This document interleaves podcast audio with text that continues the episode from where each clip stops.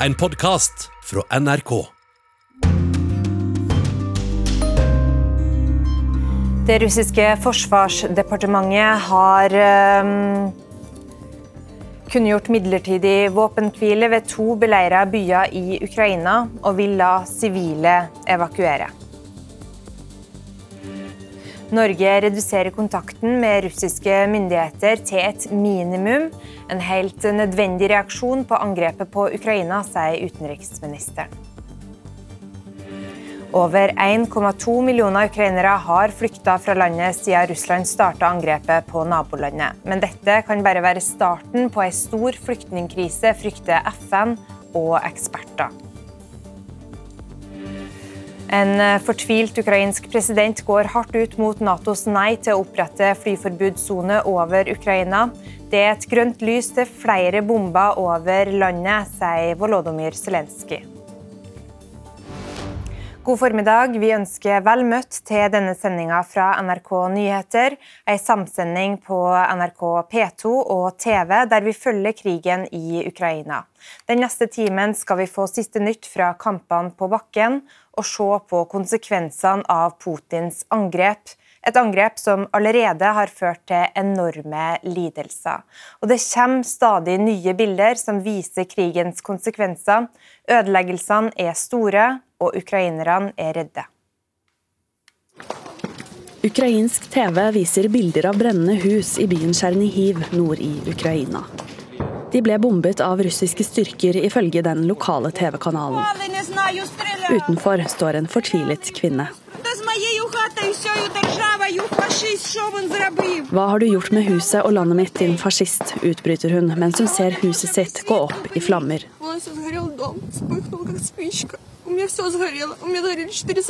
Huset mitt har brent til grunnen, forteller en nabo. Hun sier at hun så vidt klarte å komme seg ut i live, mens hennes fire hunder brant i hjel. En stor eksplosjon lyser opp himmelen.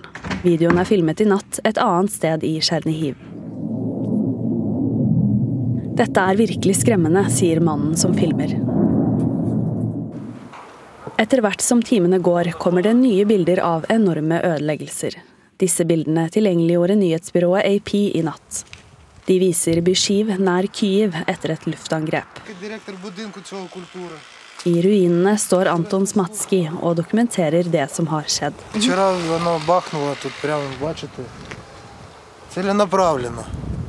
Вбило одного чоловіка з тероборони. От. Погоріли машини, бачите. et annet sted utenfor hovedstaden forteller en innbygger om den endeløse lyden av krig.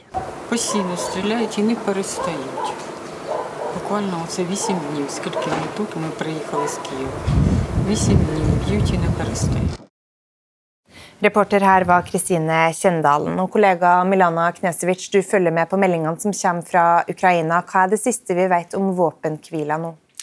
Eh, det siste meldingen som har kommet nå, er at bystyret i Mariupol, den ene byen som, hvor våpenhvilen skal være i kraft, sier at russiske styrker ikke overholder uh, den avtalte våpenhvilen langs hele lengden av evakueringsruta uh, ut av byen. og Det, det, det skriver Reuters nyhetsbyrået. Og De skriver også at, at myndighetene der nå prøver å forhandle med russisk side for å få til at, at våpenhvilen gjelder langs hele, hele evakueringsruta. Eh, så den, den, eh, skal jo pågå nå, eh, den midlertidige våpenhvilen, i Mariupol og også byen Volnovaka. Det er jo for at de til sammen over 400 000 menneskene som, som bor i disse to byene, skal ha muligheten til å, til å komme seg ut og i trygghet. Og Den skal gjelde fra 8 til 15 norsk tid. og Ifølge det russiske nyhetsbyrået RIA så, så sier de at russerne sier at de bare skal legge ned eh, våpnene i tidsrommet 9 til 14 norsk tid.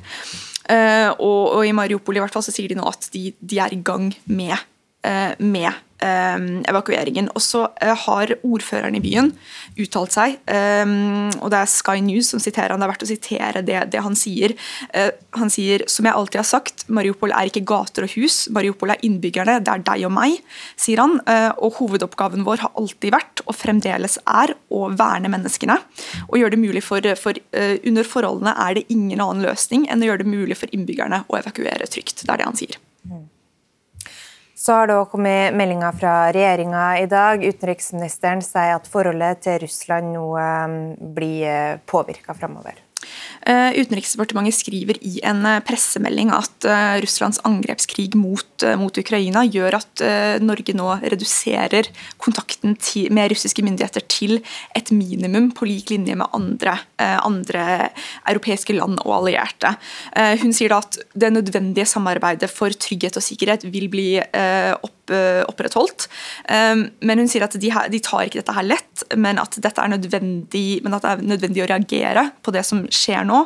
Eh, og hun sier at Russland må skjønne at det er de som sitter med nøkkelen til å løse opp i denne situasjonen.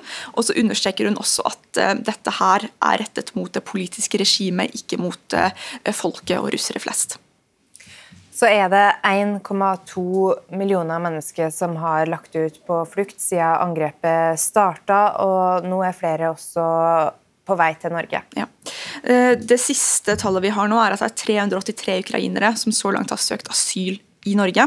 Eh, Norge åpnet jo i går for midlertidig eh, kollektiv beskyttelse til ukrainske statsborgere, som gjør at mennesker som flykter fra Ukraina, slipper på en måte hele den tidkrevende individuelle behandlingen av, av sine søknader. At de, de får en, en, kollektiv beskyttelse fordi de flykter fra den krigen som skjer nå.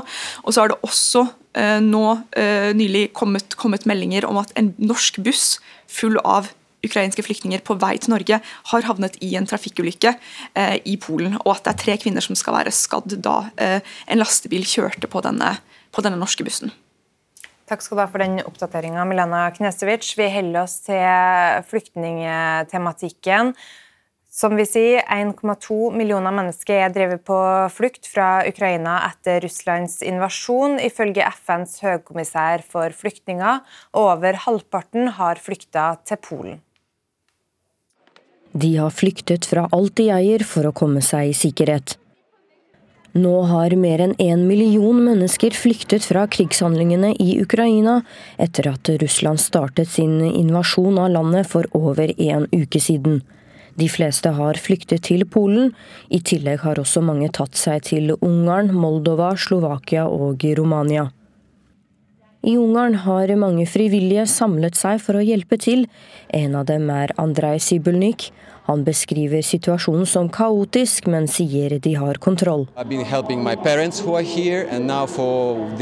day, It's pretty chaotic, I must say. Chaotic because it's not much centralized, but there are so many volunteers that we kind of can hold it. For mange er grenseovergangen i Ungarn bare et midlertidig stopp. Flere har tenkt å reise videre. Angela Lymar forteller at hun skal til noen slektninger i Luxembourg så fort det lar seg gjøre. Uh, my work, my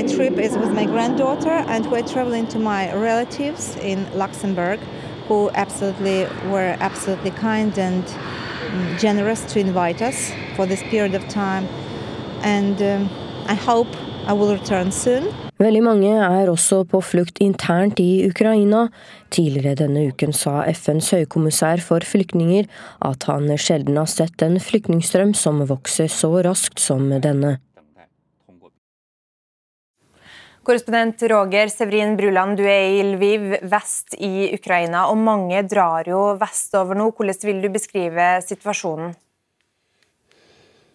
Ja, Myndighetene her sier at det har kommet 130 000 flyktninger de siste to dagene. Og de 130 000 som ikke har en plass å være. Nå snakker jeg om de som har bare kommet til Lviv.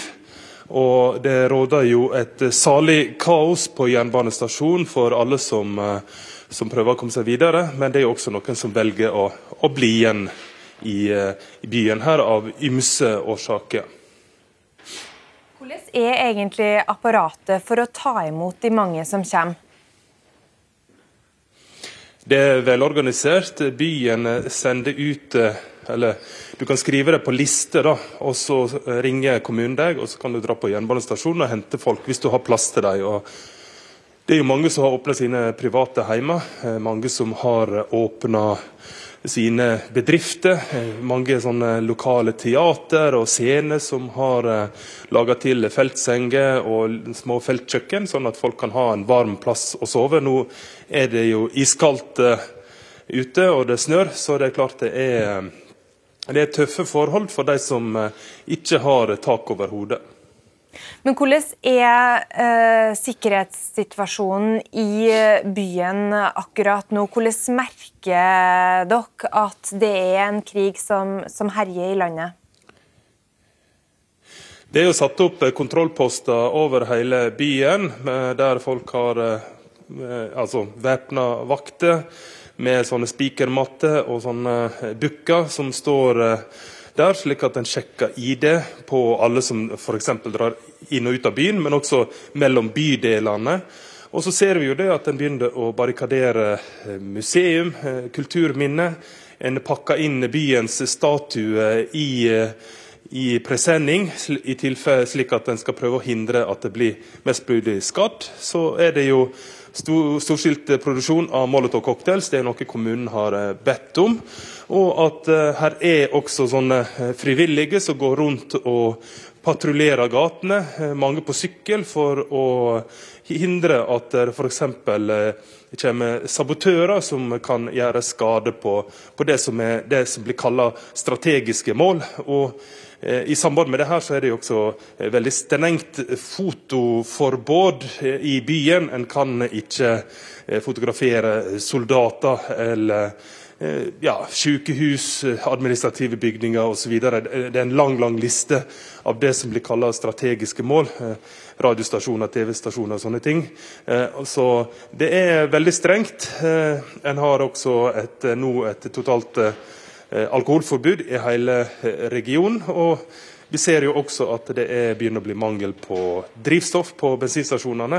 Det har nok litt med å gjøre at det er jo en tre-firedobling av innbyggertall i den byen her på svært kort tid. Du ser også at butikkhyllene begynner å tømmes. Så, så det, er, um, uh, det er en by som forbereder seg på å forsvare seg mot en krig. Ja, Du eh, har jo vært i eh, byen i eh, flere dager nå. Hvordan vil du beskrive den kampviljen og ønsket om å forsvare seg som, som folk du har snakka med, forteller om? Kampviljen er stor. Eh, folk eh, sier jo hele tida det at det her er ikke noe som begynte forrige uke. Vi har kjempa en krig mot eh, Russland i åtte år. Det sier absolutt alle. Og det her er egentlig en kulminering av den konflikten som har da blitt til en krig. Så de sier det at Mange sier jo på en måte at det måtte vel komme, for vi så ingen det var ingen fredelig løsning i sikte. og Vi har vært under angrep i åtte år. og, og nå har vi også pga. de åtte årene hatt tid til å forberede oss, både eh, materielt, men også mentalt. Så, så, det er mange nå som er veldig sinte, og, og kampviljen virker å være stor. Eh, Iallfall her vest i Ukraina. Eh, og Samtidig som at folk selvfølgelig er veldig redde. og det, det, For mange så er jo det svært ubehagelig. Spesielt når flyalarmen går her tre-fire ganger for dag, og folk må ned i et tilfluktsrom og høre den sirenelyden. Det er vel en lyd som går gjennom marg og bein på de fleste. Så sier du at mange drar videre, men at også noen blir fortsatt i Lviv. Er det da fordi at det er såpass trygt i denne byen foreløpig at de kan bli der? Det er jo veldig mange grunner til at folk velger å bli. Eh, Foreløpig så er det jo trygt. Eh, samtidig så er det jo sånn at menn mellom 18 og 60 får jo ikke lov å forlate landet. og Da er det vel kanskje sånn at hvis de har slektninger, så velger de å bli også, for ikke å splitte opp eh, familien. Samtidig så blir det jo meldt om at det er jo ikke en fly, altså togbillett å få fra Polen til Ukraina heller, for det er jo mange nå som ukrainere som, som, reiser til Ukraina for å melde seg til forsvaret av landet. Og Det trenger jo ikke bare være til altså militære, men det kan også være sivile oppgaver hvis en har kompetanse innen førstehjelp, hvis en er sykepleier, hvis en er brannmann, hvis en har en eller annen kompetanse som kan brukes i denne innsatsen, så, så er det mange som har et høyt ønske om å, å bidra i det som er en slags eksistensiell krig eh, for ukrainerne. Det er iallfall sånn de ser på det. Og, og, det var jo en som sa til meg i går at eh, det vi egentlig driver med nå, det er jo eh, en slags nasjonsbygging. For aldri før har vel vi ukrainere stått sånn sammen om, mot en felles fiende. Og, og en ser jo det at, også på sosiale medier at her er en, her er en veldig sånn, sterk moral nå, også takket være president Zelenskyj, som som leder an, som sitter i Kiev og, og holder taler, snakker til pressen og, og beroliger folket og sier at det, det, her skal vi, det her skal vi komme oss eh, over, det her skal vi vinne. Så meldinga, Når jeg spør folk om er kampviljen høy, så sier de at det her skal vi vinne. Og at eh, Russlands president Vladimir Putin han, han har blitt gal, så, så, så det her må vi bare slåss mot. Takk skal du ha for den rapporten fra Lviv, Roger Svrin eh, Bruland. Og her i studio har vi fått Tiril eh, Skarstein fra Flyktninghjelpen. Du besøkte Ukraina for en måneds tid siden, og det er nesten ufattelig hva som har skjedd i det landet siden da. Nå er flere hundre tusen mennesker på flukt. og Hvordan er situasjonen for de mange? Ja, For de som har klart å flykte ut av landet, 1,2 millioner mennesker, altså ett menneske hvert eneste sekund eh, de siste ni dagene, eh, så er jo situasjonen relativt god. De blir tatt godt imot av nabolandene, eh, og det er vi veldig glad for å se. Det er mange organisasjoner til stede for å, for å hjelpe dem. Men vi er ekstremt bekymret for situasjonen for de som nå befinner seg inne i Ukraina. Både for de millionene sannsynligvis av mennesker som er på flukt. Vi har ikke noe konkret tall, rett og slett fordi sikkerhetssituasjonen gjør det umulig å få et konkret tall på hvor mange mennesker som nå er drevet på flukt. Men også på, for situasjonen for de menneskene som ikke har noe sted å flykte, som er i områder som nå under, er under harde angrep. Ja, Hva vet vi om den situasjonen og for de menneskene nå? Ja, Flyktninghjelpen har jo eh, hatt et stort kontor i Svevrdonetsk, og våre ansatte der eh, rapporterer at de oppholder seg i bomberom. Eh, mange har forsøkt å flykte ut av byen. Mange er redde, de vet ikke om de tør å flykte. Det å flykte i seg selv setter jo mennesker under ekstra risiko. De forteller at altså butikkene er i ferd med å gå tomme for matvarer.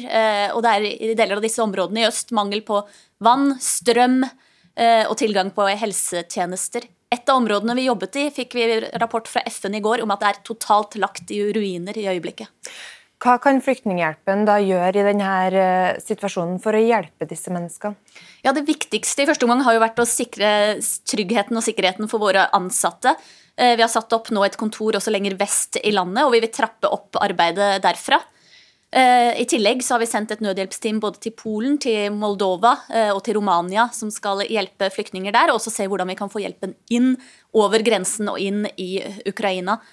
Men eh, det er vanskelig å drive hjelpearbeid i et bomberegn, og det trengs en våpenhvile for hele landet som kan sikre tryggheten til befolkningen. Hvordan tolker du da de meldingene som kommer i dag? Det blir sagt at det er ei midlertidig våpenhvile akkurat nå, men ja, Nå er det jo viktig å se hvorvidt den implementeres, eh, men det er jo bra om det kommer på plass eh, en våpenhvile. og Så håper vi at den utvides eh, til større deler av landet, eller hele landet. For det trengs våpenhvile nå, sånn at man får nødhjelp frem til de hardest rammede områdene, og så at man sikrer at det ikke kommer store sivile tap. Ja, hva frykter dere vil skje fremover? Altså, vi frykter jo at disse angrepene på tett befolkede områder fortsetter. Det er jo et mareritt for de som befinner seg i eh, disse områdene som søker trygghet i bomberom. Eh, det er begrenset også hvor lenge mennesker eh, i områder som er hardt rammet av konflikt, kan klare seg på det de har. Man er nødt til å få hjelp inn til disse områdene. Og det er vanskelig å gjøre når kampene pågår. Hvilken situasjon bør vi forberede oss på nå vil komme i Europa? Ja, FN eh, sier jo at det sannsynligvis eh, vil drives rundt fire millioner mennesker på flukt til de europeiske landene i løpet av de neste månedene. Det er deres planleggingstall. Men de største behovene kommer man jo til å se inne i Ukraina, der man forventer at minst tolv millioner mennesker vil ha behov for hjelp. Og blant dem så vil det være kanskje opptil seks millioner internt fordrevne. Mm. Takk skal du ha, Tiril Skarstein, for at du kom hit eh, i eh, formiddag. Vi skal videre til Ukrainas president Volodymyr Zelenskyj, som i en ny video sier at han fortsatt er i Kiev. Zelenskyj sier at det har vært rykter om at han har flykta fra landet. Videoen ble delt på hans Instagram sent i går, og der viser han at han fortsatt er på kontoret sitt i hovedstaden. Добрий вечір. Кожні два дні з'являється інформація, що я кудись втік з України, з Києва, з офісу. Ось бачите, я знаходжусь тут, на місці. Андрій Борисович тут. А ніхто нікуди не втік. Ось тож ми працюємо. Ми любимо побігати, але зараз немає часу на різні кардіотренування. Тому працюємо. Слава Україні! Героям слава! Смерть бігуна! Ja, denne meldinga la også president Zelenskyj ut på Instagram seint i går kveld. og For eh, radiolyttere så gjentar vi at han da avkrefter ryktene om at han har forlatt eh, Kyiv eller eh, Ukraina. Og dette er en av mange meldinger som presidenten har lagt ut i løpet av den siste uka. Krigen i Ukraina er også en krig om sannhet og om troverdig informasjon. Og den eh, ukrainske presidenten kommer altså med meldinger og hilsener til både sitt eget folk, men også til eh, resten av eh, verden. Her i studio har vi professor i journalistikk ved Oslo OsloMet, Kristin Skare Origret. Hva får ellers det ukrainske folk av informasjon nå, og hvor fra? Det foregår jo en reell informasjonskrig, ser vi, eh, på bakken. Eh, samtidig som den tiltar i styrke på bakken, den ordinære krigen, så ser vi også den informasjonskrigen øker. Eh, så det er spesielt viktig å få disse hilsenene fra president Zelenskyj, og ikke minst at han viser Han behersker jo TV-mediet svært godt, han er jo tidligere TV-stjerne. Og vise at han står ved folket sitt, at han er til stede, og nettopp da avkrefte veldig mye av den falske informasjonen som florerer, for det vet vi jo at det gjør, spesielt i sosiale medier. Mye meldinger meldinger som er tatt ut av kontekst. Eh, det kan være sannferdig informasjon, men at det bare handler om noe annet. altså Både enten i tid eller rom, kommer fra et annet sted. Men vi ser også at det kan være til og med eh, biter fra videospill som er klippet inn og, og liksom skal vise virkeligheten. Så her er det virkelig en krig for å få frem et virkelighetsbilde. Eh, og da blir det viktig at presidenten snakker til folket sitt, viser at han er til stede. Vi har sett ved flere anledninger at man viser på telefon at det er i reell tid, altså at det er den dagen um, Og ofte så viser han jo kontoret sitt, eller har stått utenfor på gaten for å vise at han er i Kiev og at han står ved sitt folk. Og Han er jo veldig god også på disse symboleffektene. Han eh, tok av seg den grå dressen, så vi, da krigen eh, startet, invasjonen startet, og stiller nå stort sett i disse kaki, som vi så på dette innslaget også, kakefargede, kakifargede, militærfargede eh, T-skjortene, og også for å vise at han er en del av folket. Han står sammen med folket og snakker direkte til dem. En helt annen måte å henvende seg på enn president Putin. Mm. Eh, men hvordan holder man egentlig stø kurs da, i et kaotisk hav av eh, informasjon. Det er veldig viktig. og Nå fikk vi jo vite i går at Putin har eh, innført en ny lov um, på 15 års fengsel for de som kaller invasjonen i Ukraina nettopp for det. Det er forbudt å si invasjon, det er forbudt å si krig. Man skal bruke dette ordet militær spesialoperasjon, og det er straffbart å uttrykke støtte til, til vestlige sanksjoner. Og Det som skjer da, er at ytringsrommet snevres kraftig inn, i tillegg til at vi ser at det er veldig mye eh, informasjon som ikke er sannferdig. Og nå trekker jo bl.a. NRK og en rekke andre vestlige mediehus ut sine korrespondenter fordi man mener at disse nye medielovene i Russland kriminaliserer uavhengig journalistikk. Og Samtidig ser vi at på bakken i Ukraina blir det også stadig farligere å være. Det var to eh, britiske journalister som ble beskutt i natt. Eh, og veldig mange av vestlige medier trekker jo også ut reporterne sine fra Ukraina, spesielt fra Kiev, men eh, også fra hele Ukraina.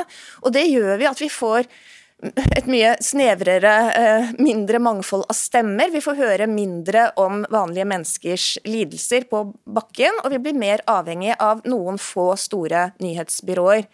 Eh, så det er problematisk. Ja, og Hvordan kan man da faktasjekke den informasjonen som kommer? Det bør vi gjøre alle sammen. og vi ser jo naturligvis at Stort sett så har de store eh, redaktørstyrte kvalitetsmediene eh, har i mye større grad sannferdige medier enn mye av det som florerer på sosiale medier.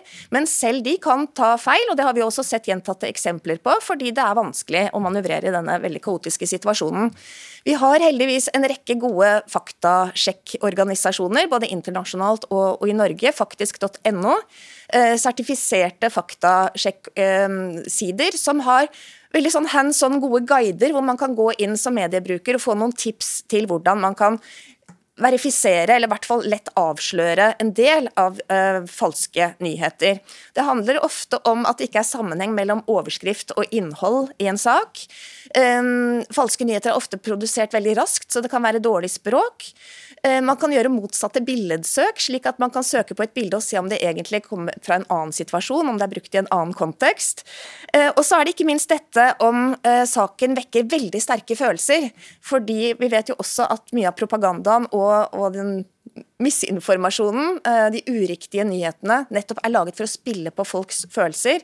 Så da bør man ha litt is i magen og ta en ekstra runde, i hvert fall før man deler det i sosiale medier. For det er jo noe av forskjellen på de mer tradisjonelle mediene, som kan da rette opp når de har sagt noe feil, sånn som flere har gjort den siste uken. Men eh, hvis en uh, nyhet, en historie, først spres i sosiale medier, så er det veldig, veldig mye vanskeligere å kalle den tilbake. Hva er viktig da for journalistene som rapporterer fra krigen? Det er viktig eh, å tenke at her er det en reell informasjonspropagandakrig som pågår. Og så er det veldig viktig å ikke tenke at man skal skape en slags falsk balanse. altså At man har to helt forskjellige virkelighetsoppfatninger, to helt forskjellige historier. Så betyr ikke det nødvendigvis at sannheten finnes et sted midt imellom. Så god gammeldags kildekritikk blir viktigere nå enn, enn noensinne. Takk skal du ha, Kristin Skare Orgereth, professor ved Oslo OsloMet skal høre litt mer fra den ukrainske presidenten. Som vi var inne på, så kommer han stadig med meldinger og hilsener til både sitt eget folk, men også Tusenvis av Oi. demonstranter i flere europeiske byer samlet for å høre på Ukrainas hardt prøvede president Volodymyr Zelenskyj. Som her i Frankfurt i Tyskland, hvor rundt 2000 personer hadde møtt opp for å ta del i det som var en internasjonal fredsmarkering. Mange med ukrainske flagg og plakater med slagord mot den russiske invasjonen. Og presidenten i det krigsherjede landet ble møtt med jubelrop da han dukket opp på skjermen. Thank you very much. Now you have the word, President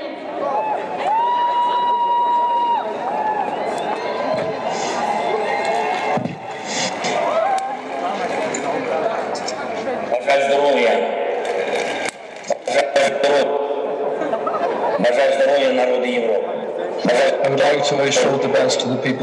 Presidenten ba alle om å minnes de som har gitt sitt liv i kampen mot de russiske styrkene som har invadert landet.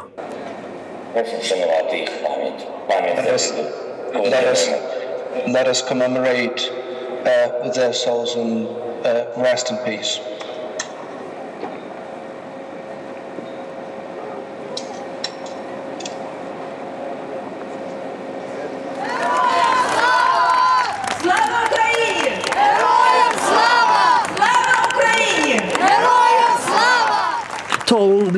I byer som Paris, Bratislava, Vilnius, Praha og Tbilisi i Georgia. Et land som selv har opplevd den russiske krigsmaskinen rulle inn over landet. For angrepet på ukrainerne minner dem om den blodige russiske invasjonen av deres territorium i 2008 To listen to President Zelensky and to demonstrate how their eagerness and their support to, to freedom and to Ukraine. I talen kom Zelenskyj med en advarsel til europeiske land. At dersom Ukraina faller, så faller Europa. Я хочу віддати вам,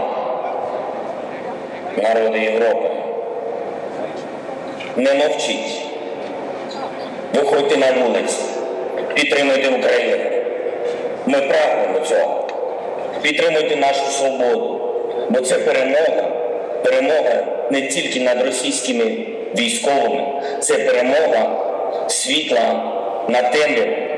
Це перемога добра над злом, перемога свободи над тим, що відбувається сьогодні у нас на території України. Не мовчіть, підтримуйте Україну, бо якщо Україна не витримає, не витримає вся Європа.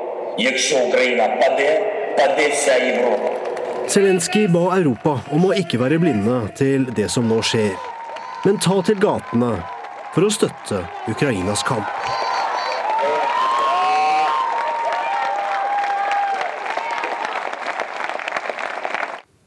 Ja, reporter her var Arne Fossland. Klokka har blitt uh, halv tolv. Vi minner om uh, hovedsakene denne formiddagen. Det russiske forsvarsdepartementet har kunngjort midlertidig våpenhvile ved to beleira byer i Ukraina, og vil la sivile evakuere, er meldinga fra Russland. Norge reduserer kontakten med russiske styresmakter til et minimum. En helt nødvendig reaksjon på angrepet på Ukraina, sier utenriksministeren. Over 1,2 millioner ukrainere har flykta fra landet siden Russland starta angrepet på nabolandet. Men dette kan bare være starten på en stor flyktningkrise, frykter FN og eksperter.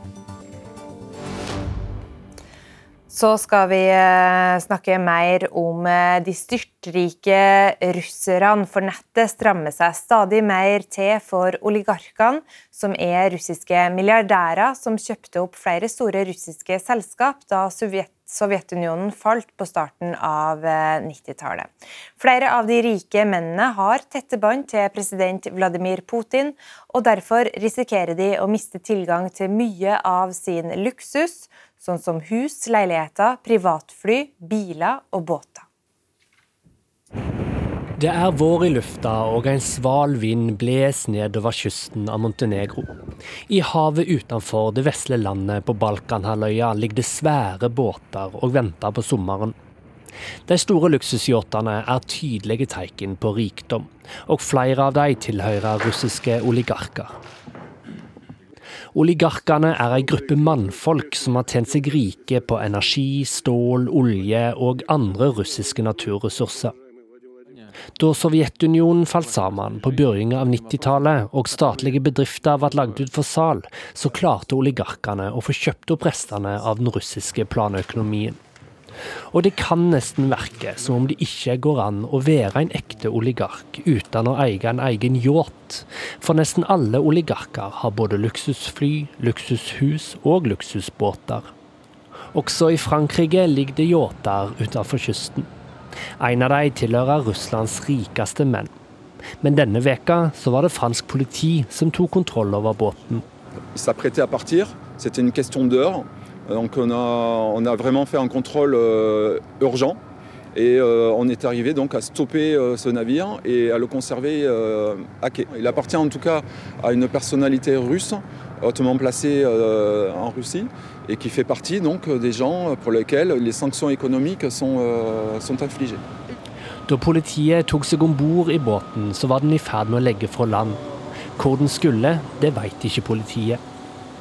Men flere satellitter fanger opp signal som tyder på at flere rike russere nå flytter båtene sine til stader der de håper at vestlige sanksjoner ikke blir fulgt opp. På et verft i Hamburg i Tyskland ligger en annen yacht som får service for tida. Også den har en russisk eier, og ryktene har gått om at tysk politi har tatt kontroll over den. Disse ryktene har vært senere avkreftet. Men uansett, flere av de som tysk TV møter ute i Hamburg, synes det er et godt tiltak å ta bort luksusen fra rikmannsfolka. Ja, tatsächlich würde ich es eigentlich gut finden. Da kann man mehr Druck mit ausüben. Damit Putin jetzt ein bisschen eingeschränkter wird, ne? Die Möglichkeiten von ihm.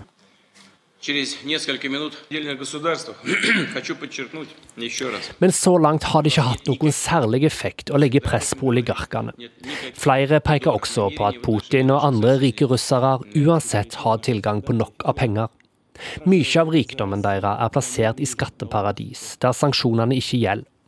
Og blant de få folka som er rundt Putin når han tar sine avgjørelser, så er det ingen næringslivstopper. Vestlige land har uansett ingen planer om å stanse jakta på russisk luksus. EU og USA har innført sanksjoner i flere omganger. Og Liz Truss, som er utenriksminister i Storbritannia, der mange av oligarkene bor, er tydelig på at britene vil holde fram med å ramme oligarkene. Is there are over 100 billionaires in Russia. Uh, we have compiled a hit list of oligarchs. We're working through and putting the cases together. And every few weeks, we will sanction new oligarchs. Så jakta på russisk luksus fortsetter. Ikke bare til havs, også eiendom kan bli konfiskert, sier de som styrer i Storbritannia. Der har det kommet forslag om å bosette ukrainske flyktninger i de overdådige bygningene. The number one thing's important, though, is that we are unified with our partners across the world in putting the toughest ever sanctions we've had on Russia. Reporter her var Vegard Kjørom. Og korrespondent Gry Blekastad Almås i London. Hva slags liv vil du si at disse styrtrike russerne lever i eh, Storbritannias hovedstad?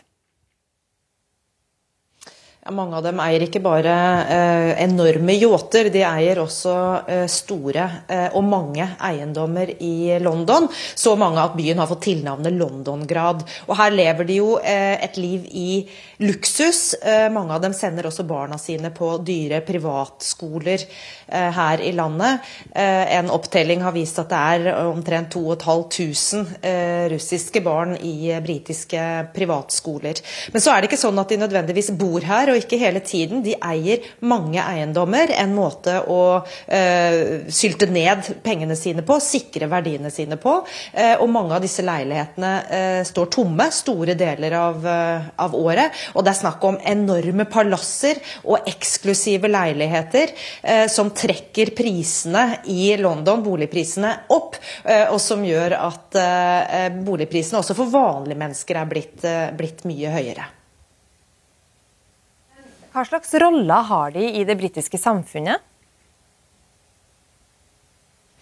Nei, De er jo ikke veldig synlige i det britiske samfunnet, og det er jo noe av problemet her. At man ikke nødvendigvis vet hvem det er som eier de ulike eiendommene heller. Eh, noen vet man mer om enn andre, men, men noe av problemet her er at disse eiendommene blir kjøpt, gjerne gjennom selskaper, eh, gjerne via skatteparadiser. Og det har vært liten grad av eh, åpenhet. Og det er jo noe som er et problem nå, når britiske myndigheter ønsker å sanksjonere russiske oligarker med tilknytning til Putins eh, regime. I går så ble det gjort noen eh, lovendringer som skal gjøre den juridiske delen enklere for det britiske systemet. Bl.a. kreves det nå at den egentlige eieren av eiendommer blir åpent kjent etter seks måneder. Fram til nå har kravet vært 18 måneder. Og så skal det bli enklere å sanksjonere flere eh, mennesker som allerede er sanksjonert i USA og EU, eh, f.eks. Men det er jo de juridiske eh, tingene som har gjort at mange er veldig kritiske til hvor tregt det går eh, med de britiske sanksjoneringene av en del av disse superrike russerne, som nå benytter eh, denne sjansen til å prøve å selge eh, noen av eiendommene sine her i London. Og det meldes fra eiendomsmeglere om at potensielle kjøpere nå prøver å få gjort seg et kupp, og tilbyr å kjøpe noen av disse russiske eiendommene til langt under markedspris. Men er det brei enighet om at uh, disse oligarkene skal straffes hardt nå? Ja, vi hørte jo utenriksminister Liz Truss snakke om at hun hadde en hitliste, eh, altså eh, en treffliste da, av oligarker, uten at hun da ville eh, offentliggjøre hvem som står på den, eh, på den, listen. Men regjeringen får jo mye kritikk for at det, punkt én går tregt, og punkt to burde ha gjort dette her for, for lenge siden. Eh, og at man ikke klarer å ramme folk nå i tide, før de da får tatt verdiene sine ut igjen av eh, Storbritannia ved å selge. Og tydeligvis så er det kjøpere som er villige til å kjøpe disse eiendommene også i denne situasjonen fra disse russiske rikfolkene. Eh, men eh, kritikken er, eh, er stor mot regjeringen, og debatten går også høyt om hvordan man skal løse dette. Dette er jo på en måte første gang siden britene gikk ut av EU at de prøver sin egen lovgivning overfor sanksjonering på denne måten. Lov, lovene ligner de som EU har, men det er mange som peker på at de tolker tolkes strengere eh, her i landet enn i EU-systemet. Eh, e Takk skal du ha for den rapporten fra London, Gry Blekastad Almås.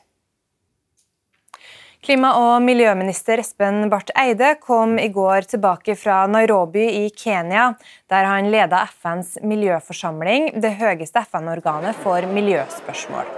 Norge har hatt eh, presidentvervet her de siste åra, og det var derfor Eide som leda dette FN-møtet, der det bl.a. ble enighet om å sette i gang arbeidet med å lage en global avtale som har som formål å stanse plastforurensninga. Og Espen Barth Eide, nå er du her. Dette var det store, første, første store FN-møtet etter at krigen i Ukraina brøt ut. Og både Russland og, og Ukraina var til stede med sine delegasjoner. Satte konflikten og preg på, på møtet i noen grad? Ja, Fasit er jo at møtet faktisk gikk veldig bra, men det var på ingen måte gitt. Vi var svært bekymret i forrige uke og på vei inn i dette møtet at uh, krisen rundt Ukraina skulle gjøre det umulig å gjennomføre et sånt møte. I hvert fall umulig å få til noen gode vedtak. Eh, for det var absolutt spenninger rundt uh, Ukraina-saken der. Men det som skjedde, var at uh, Ukraina fikk tale sin sak, som jeg mener de gjorde veldig godt. De fikk massiv støtte.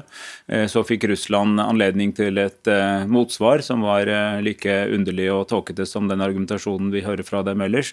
Og så var vi på en måte ferdig med det. Det ble parkert inn i åpningssekvensen.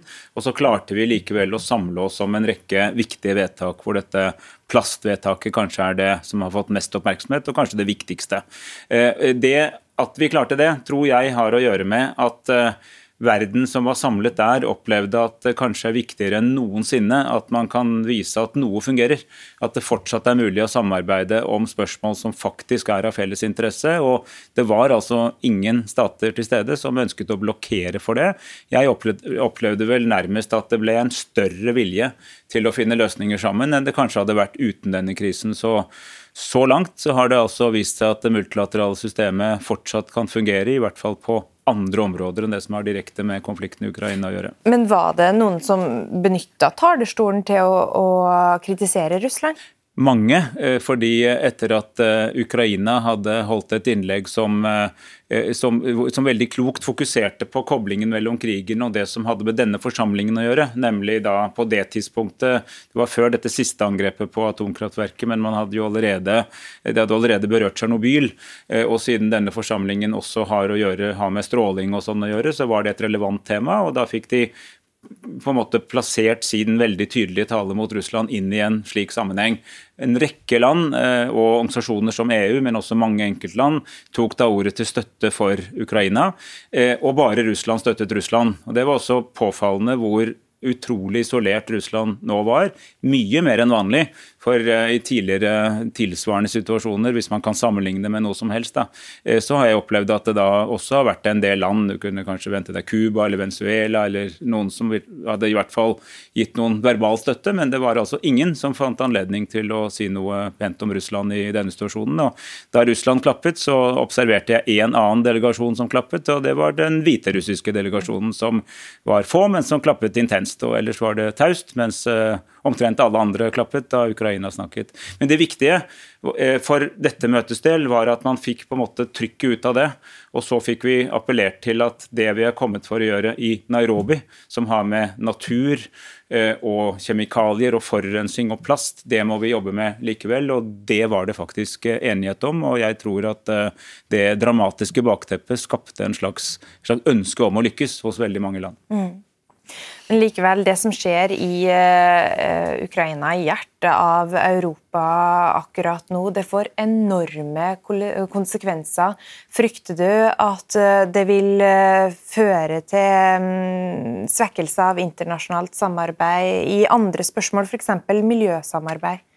Ja, Det er jo selvfølgelig en eh, konstant frykt. fordi det er jo ikke mulig å samarbeide på helt vanlig måte med Russland i den situasjonen som er nå. Det, det ser vi jo f.eks. i en del av våre mer regionale samarbeidsordninger. at nå har Eh, sju av de åtte landene i Arktisk råd, altså de sju som ikke er Russland, vært enige om å sette det samarbeidet på pause. Ikke at man skal eh, gå ut av det, eller noe sånt, men å sette på pause i den situasjonen som nå er. Russland hadde formannskapet. Det er jo åpenbart umulig å delta på møter om dette i Russland nå, i hvert fall på politisk nivå. De avtalene som vi har, de gjelder jo, men, eh, men det er vanskelig å komme videre i dagens situasjon. Så det er ikke noe tvil om at denne situasjonen får, og på mange måter må få konsekvensene for framdrift i en del slike spørsmål. Men altså på det globale nivå så har vi jo i hvert fall denne uka vist at det fortsatt er mulig å samarbeide og faktisk få fremdrift i samtalen. Men så har vi et Europa som er avhengig av russisk olje og gass. Nå prøver Europa å gjøre seg uavhengig av det. Det kan føre til at vi må benytte energikilder som vi egentlig kunne tenkt oss å lagt bak oss. Med tanke på klimaspørsmålet, hva vil skje framover uh, med klimakrisa og håndteringa av den? Der snakket jeg med veldig mange både europeiske eh, ministre, eh, men også mange utenfra Europa, f.eks. Min kollega fra India, Yadav. Og alle sier det at langsiktig nå så er jo svaret på dette at vi må gjøre oss mer uavhengig av fossile kilder. Russland er så dominerende innenfor gass til Europa og viktig olje internasjonalt at det å gjøre verdens energiforsyning mer fornybar er jo nå både en måte å bidra til å løse klimakrisen, men også redusere Russlands betydning i internasjonal politikk. Så veldig mange sier at de nå vil trappe opp sine investeringer i fornybar, altså i solkraft, i vindkraft og andre fornybare kilder, enda mer enn de hadde planer om, for altså å redusere avhengigheten av de høye gassprisene, men også avhengigheten av Russland. Så på lang sikt så kan dette faktisk eh, paradoksalt nok bidra til en raskere omstilling. Men så har du rett i at på kort sikt så vil det også bli f.eks. For mer forlenget bruk av kull enn man kanskje hadde håpet, fordi gass, selv om det er en fossilkilde, tross alt er noe bedre eh, enn kull. Selv om vi også denne uken fikk vite at metanutslippene fra gass ofte er høyere enn man har trodd til nå. Mm. Dette skal vi snakke mye mer om i tida som kommer. Takk skal du ha, Espen Barth Eide, for at du kom hit i formiddag. Samarbeidet i Arktis råd er satt på vent som følge av krigen i Ukraina. Det ble klart før helga. TV-seere ser nå bilder eh, fra siste ministermøte i Arktisk råd, som var på Island i mai i fjor. Og dette var første gang den russiske utenriksministeren Sergej Lavrov og USAs utenriksminister Anthony Blinken møttes. Og um, Vi har med oss uh, Arne Holm.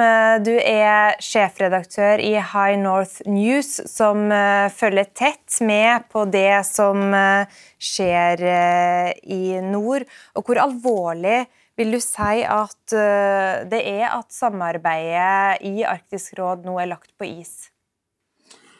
Nei, skal jo være forsiktig med å bruke begrepet alvorlig så lenge det foregår en blodig krig, men, men, men, men for samarbeidet sin del så er dette veldig alvorlig. Altså, jeg sto sjøl senest i onsdag i forrige uke, altså dagen før invasjonen, og pekte på Arktisk råd som vårt siste håp for å få til å beholde en dialog og et samarbeid. Og um, det gikk Tidligere denne uka så kom det jo beskjed fra, først fra disse syv arktiske statene, som, uh, minus, altså, minus, Russland, med beskjed om at de brøt alt samarbeid i Arktisk råd. Like etterpå så kom det en beskjed fra eh, Nikolai Kutsjanov, som er den russiske lederen av Arktisk råd, som, som per i dag ledes fra Russland, med den samme beskjeden, eh, nærmest som en aksept på at dette samarbeidet nå ikke lenger eksisterte, eller i hvert fall var lagt på is inntil videre. Hva slags type samarbeid er det egentlig snakk om? Nei, det er, det er, to typer samarbeid som det er verdt å legge vekt på. Det som jeg kanskje har lagt mest vekt på i, i, i mitt arbeid, og, og, er jo det politiske nivået. Fordi at Arktisk råd har helt siden 2014, altså annekteringa av Krim, vært en plass hvor ikke minst USA og Russland har møttes til jevnlige politiske samtaler på utenriksministernivå. Eh, på samme måte som de også møttes i, eh, på Island. Eh, så det har vært ei åpen dør også i en situasjon hvor de fleste dørene har vært lukka. Så finnes det også et samarbeid under der som handler om uh, veldig viktig forskning, særlig innenfor klima, hvor disse åtte arktiske nasjonene samarbeider på store forskningsprosjekt. Også det rammes, selvfølgelig. Så finnes det, for å ta med det også, for mens jeg satt og hørte på, på Espen Barth Eide, så tikka det inn en ny melding som handler om det som heter Arctic Economic Council. Uh, det er altså en slags parallellorganisasjon for næringsliv i Arktis som samarbeider. Eh, nå gir de beskjed om at de også bryter samarbeidet. Eh, det ligger ei melding fra de syv arktiske land, altså minus altså ikke Russland, som sier at pga. situasjonen så, så kan de ikke lenger møtes. Eh, så kommer det også en melding fra den russiske lederen av, av Arktisk økonomisk konsul, som i ganske brutale ordelag skjeller ut de syv andre for, å blande geopolitikk inn i dette arbeidet. Han kaller det åpenbart irrasjonelt. Summen er i hvert fall at på overnasjonalt nivå mellom de åtte arktiske statene, så er samarbeidet totalt lagt i grus. Og, og, dette er samarbeid som har fungert tidligere, til tross for motsetninger og konflikter? Ja, det har, det har, vært et veldig viktig samarbeid. Jeg har vært til stede på mange av disse møtene og, og, og sett hvordan disse statslederne møtes, og også har bilaterale samtaler uh, som gjør at verden holder kontakten. Og så skjer jo dette, altså For Arktis sin del så, så skjer jo dette samtidig som jeg holdt på å si, Hver eneste time det siste døgnet så har jeg fått melding om forskjellige typer samarbeid i Arktis. Uh, som, som, er brutt. Det handler om folk-til-folk-samarbeidet. Det handler om et veldig viktig journalistisk samarbeid mellom oss journalister i Norge, Sverige, Finland og, og, og, og Russland. Det handler om næringslivssamarbeid mellom Norge og Russland i det som heter norsk-russisk handelskammer. Det handler om internasjonale konferanser som arrangeres i nord uh, hvert eneste år, hvor det har vært stor russisk deltakelse. Uh, den eneste som ble avholdt i år, var i, var i Kirkenes, som skjedde, var samtidig som, som, som invasjon. Alle de andre nå står foran et uh, et, et slags sammenbrudd i, i, dette forholdet. Slags skadevirkninger tenker du at det kan ha, at så mye av dette nå stopper opp? Nei, det, altså Vi settes å si 20-30 år tilbake i tid. Altså, det, det, er brukt veldig mye energi og politisk handlekraft, uh, også sivil kraft, for å bygge opp dette samarbeidet. Og, og veldig mye av dette handler jo om at vi har en grense til Russland. Uh, vi er avhengig av å ha en, en, en dialog. Eh, og, det, og, det, tar det tar altså tiår å bygge opp et tillitsforhold uh, i Arktis, men det tar åpenbart bare et døgn eller noe sånt å rive det ned igjen. Og så, og så, må vi gå i gang.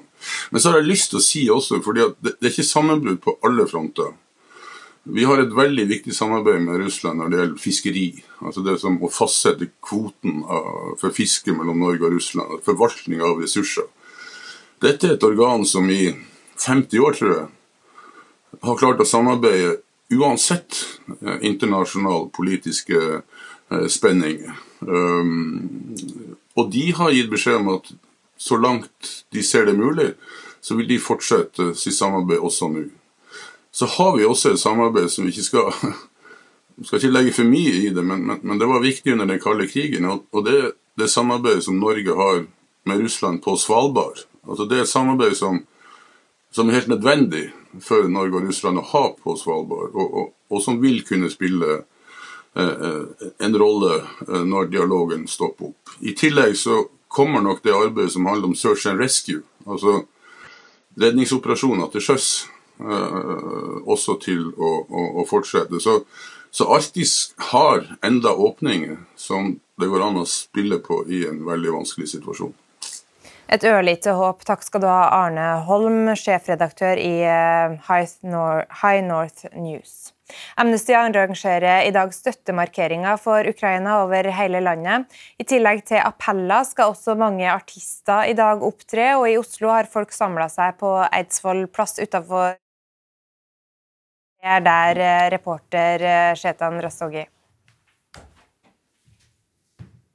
Så jeg har ikke noe retur. Noen må gjøre, ordne Shetan er ikke klar og kan ikke høre studio akkurat nå. Vi så i hvert fall at det var en del som hadde møtt opp. Får se om vi får rapport fra Eidsvoll plass om litt. Og han er faktisk Litt ulike beskjeder der. Men eh, vi har kollega Eivind Molde i studio for å gi siste nytt eh, om situasjonen i Ukraina. Hva har kommet inn, Eivind? Ja, vi har hørt i formiddag at eh, Norge reduserer kontakten med Russland til et minimum.